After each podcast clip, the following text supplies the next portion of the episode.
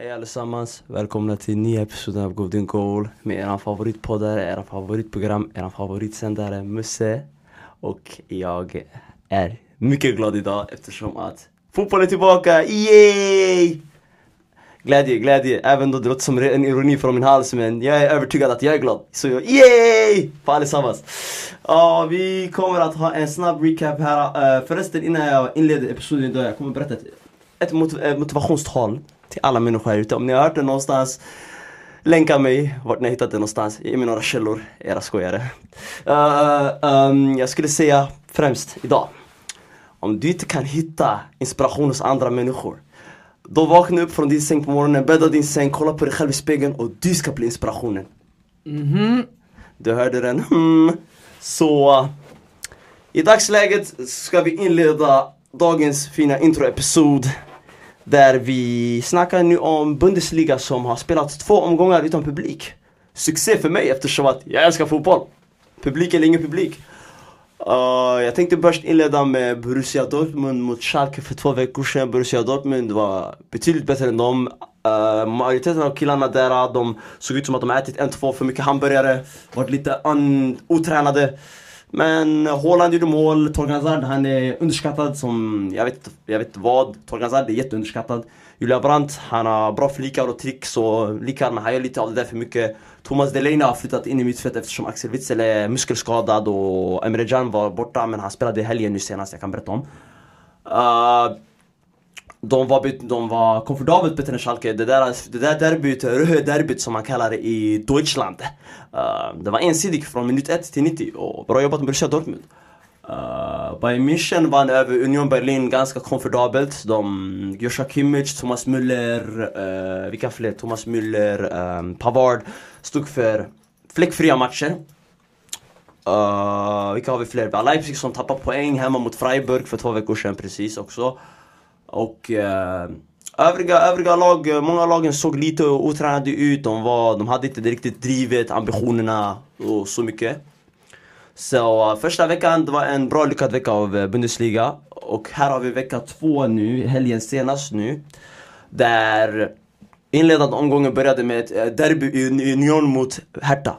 Och ytterligare en gång Hertha Berlin nu som vann över Hoffenheim veckan innan också betydligt komfortabelt. De mosade över en andra halvlek. Första halvlek var väldigt jämn med Union Berlin där i fredags när de möttes i Berlinstaden.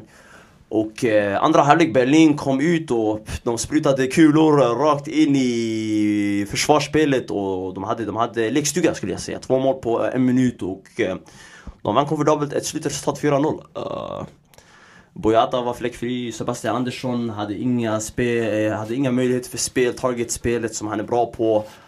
Uh, han var neutraliserad. Uh, jag skulle säga Dortmund också som, vilka var det Dortmund mötte nu i helgen senast? Ja, ah, de mötte Wolfsburg. Uh, de vann också över Wolfsburg komfortabelt eftersom att de har ett bättre rinnande mittfält där igen. Delaney igen, han var riktigt bra. Daoud var bra. Uh, Ashraf Hakimi. Ytterligare en gång, han gör en till assist. Den här killen här, jag sa det i episod 1, han är briljant wingback. Kanske en, jag vet inte om han är en bra högerback men ytter, ytterback, han är fantastisk. Som bara anfaller, han är fantastisk. Guerrero igen, här gjorde mål. Guerrero är i jättefin form. Han, inte, han visar inte några, några sorts signaler från ringrost eller um, bollrost på sätt och vis. Haaland gjorde inte mål den här veckan men han var ändå ett hot varje gång han springer mot försvaret. Uh, Bayern München hade en otroligt underhållande match mot Frankfurt. Där det slutade i ett 5-2 resultat men Frankfurt jobbade sig upp eftersom att de låg under med en 3-0 ledning. Sen Martin Hinteringer gjorde mål på två på fasta situationer. Ja, på två fasta situationer. Och sen det roliga är att Martin Hedringer blev den olyckliga mannen när Gnabry sköt på målvakten, det studsade tillbaka och sen den runda Hedringer så hade det resulterade i ett baklängesmål också för Frankfurt, 4-2. Sen, eh, eh, nej inte 4-2, förlåt mig. Jag menar 5-2. För Alfonso Davis gjorde ett 4-2 mål när han galopperade fram med sin extrema fart.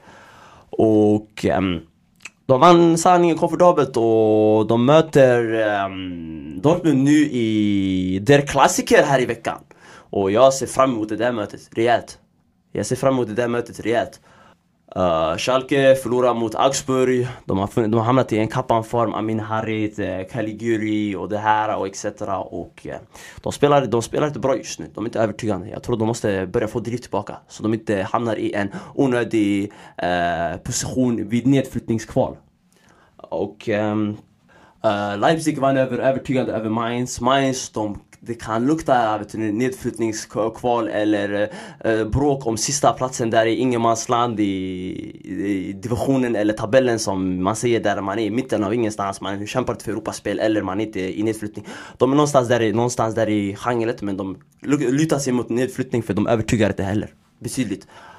Och um, Uh, de här två veckorna av Bundesliga, jag skulle främst uh, påpeka att jag tycker om Torgan Hazard ännu mer. För Torgan Hazard, han är, han är, han är fantastisk. Jag tror inte jag gett honom så mycket beröm. Han är riktigt, riktigt bra den här. Spelmässigt IQ. Uh, eh, han vet när han ska dribbla, han vet när han söker en foul, han skapar fasta situationer, han gör poäng. Poäng är jätteviktigt för utespelare, jätteviktigt. Det är som skillnaden mellan klass och medelmotor.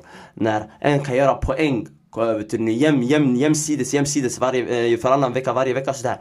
Det är poängspelare, det är de som skärdar fram, det är de som kommer fram i dessa momentum och vet du, visar att laget behöver dem, de behöver inte laget.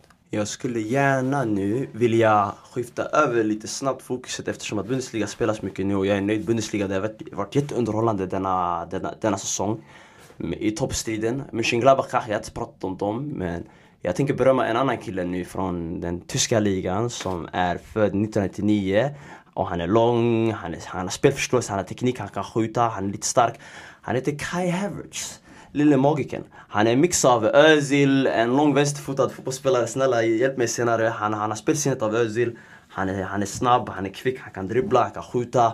Det här jag tror det är en komplett, bara en komplett all-around offensiv spelare, spetsspelare. För han har gjort fyra mål på två matcher nu och han har enkelt lyft upp Bayer Leverkusen nu där i typ fjärde positionen där de ligger i, i dagsläget. Nej, de ligger i fjärde position för Leipzig vann mot Mainz Så de, han har lyft dem upp till en femte position nu. De är där uppe och kämpar om Champions League-platserna. Kai Havertz, mannen, kommer att garanterat lämna de här om det inte blir någon uh, vidare Europaspel. Uh, om det, jag menar inte Europaspel, jag menar Champions League-spel. Europaspel, Europaspel ah, han kommer inte spela med, med dem för att det kommer komma Liverpool med bud för folk, scouter och det här det finns runt om världen. De kollar på denna unge man, de vet hur begåvad han är. De vet hur, hur mycket bättre han kan bli.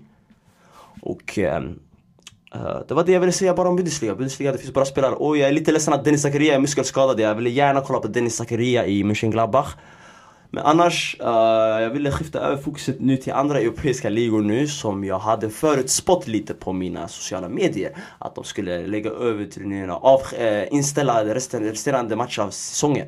Det är skotska och belgiska. Jag tänker inleda med skotska. Skotska här, den är lite ens, den är, den, en ligatabell där vi har Aberdeen och Rangers och kanske Hearts om jag inte minns som blev relegerade. Uh, dirigerade eller relegerade som jag säger. Um, Uh, det är bara de som är typ eh, bakom Celtic. Celtic annars överlägset, de har varit eh, nummer ett i tio år så jag vill inte säga att den är betydelselös. Men Celtic är överlägsna där och uh, de vann komfortabelt igen när man stängde av säsongen. Och spelarna fick eh, på ovanliga sätt fira en ny ligatitel kanske i ovanstående situationer hemma med familjen och jag tror sanningen de skulle glädja sig av mer av att träffa sina vänner men de får inte eftersom att lagarna sagt nej. Eh, uh, belgiska nu. Vi har en ny ligamästare denna säsong vid namn Club Brugge med en viss Simon Mignolet och um, Simon Mignolet har sagt på sin, jag tror en intervju eller presskonferens att han fick ett meddelande eftersom att de är etta i ligatabellen att uh, säsongen är inställd. Och uh, han sa i, jag minns inte vad det var, vilken tidning eller uh, reportage eller någonting eller någon han pratade med att eh, han firade med champagne hemma med sin familj men han sa att det kändes inte som en titel. Eh, eftersom att han har, fått, han har uppnått det här målet av ligatiteln med sina lagkamrater så självklart han vill fira med dem. Det där är naturligt för en människa att vilja känna så som man känner. Och ehm, vi får hoppas på bättre dagar där uh, belgisk fotboll kommer tillbaka då så han kan vinna igen och fira med sina vänner. Det kan man hoppas på, det kan man hoppas på. Det kallar vi förhoppningar. Uh, belgisk, uh, ny, uh, belgiska och skotska över. Uh, jag ville säga, skifta snabbt till uh, några Bosman-spelare där ute som ryktas till klubbar.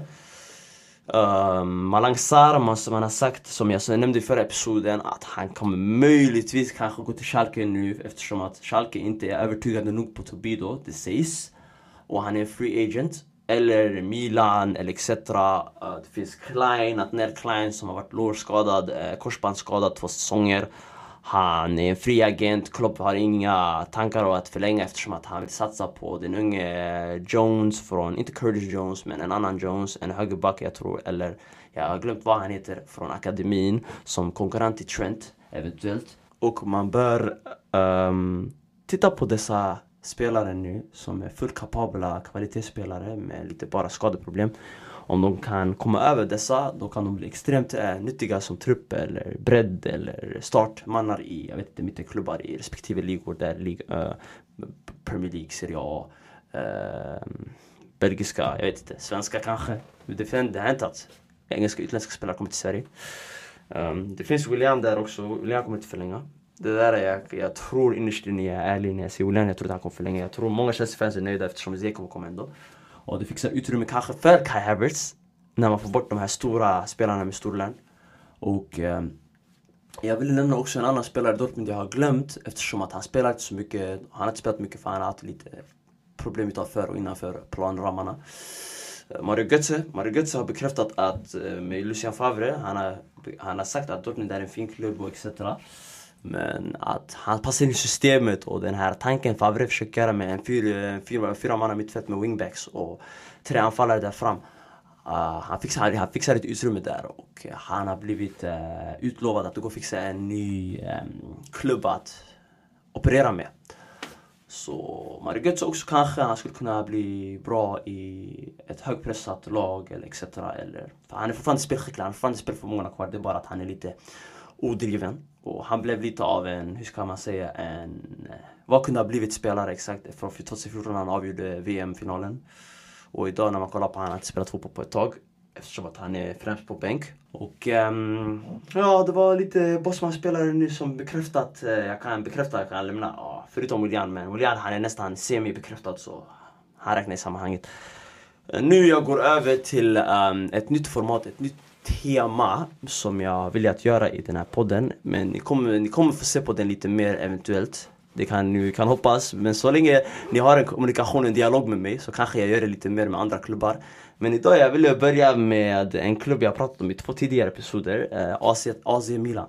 AC Milan det är ett riktigt nostalgilag för de som älskar fotboll sedan tillbaka tiderna. Det där vet allihopa. De har haft sina eror av ren fotbollsdominans.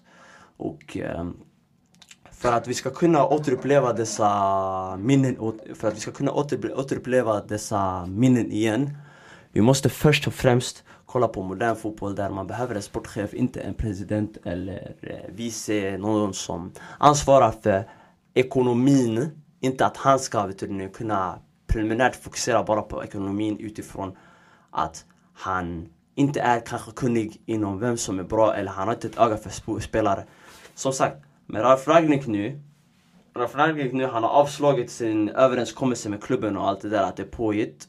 Uh, eh, han skulle vara en bra addition till sportchef där i klubben. Eftersom att Boban, som jag sparkade när jag sa episod 3, han har inte blivit ersatt. Och det var Ralf Ragnik som ryktades och jag säger att han skulle vara bra. Och uh, de behöver också en tränare med en vision samt en förmåga för utveckling och ideal och spelsinne. Äh, uh, Jardim finns fortfarande. Marcelinho från den här, äh, vad heter han? Marcelino, Marcelino, Marcelino från uh, Valencia, gamla Valencia-tränaren finns. De kan gå tillbaka till Old Glory med Allegro om de vill. Han är också fortfarande uh, utan en klubb i närvarande. Men jag skulle säga främst till de uh, Milan-supportrar idag, Pioli kommer inte vara där ett, ett långt, långt tag. Eftersom att han är bara en process genom tränare. Uh, jag tycker att uh, man bör fixa in Ralf Ragnik man fixar Ralf Ragnik, Leonardo Del Jim kan arbeta med ungdomsekonomispelarna nu, Calabria. Uh, vilka fler finns det från, från Calabria? Jag minns ej. Um, ni kan rätta mig senare om jag har fel. Det finns flera akademispelare där. Han kan fostra in dem i laget. Han kan bygga sig av på dem. Och sen ni kan få bonusar på dem. Kolla vad han gjort med Mbappé. Uh, Ber eh, inte Bernard Silva, för Bernard Silva var talangfull i Benfica också.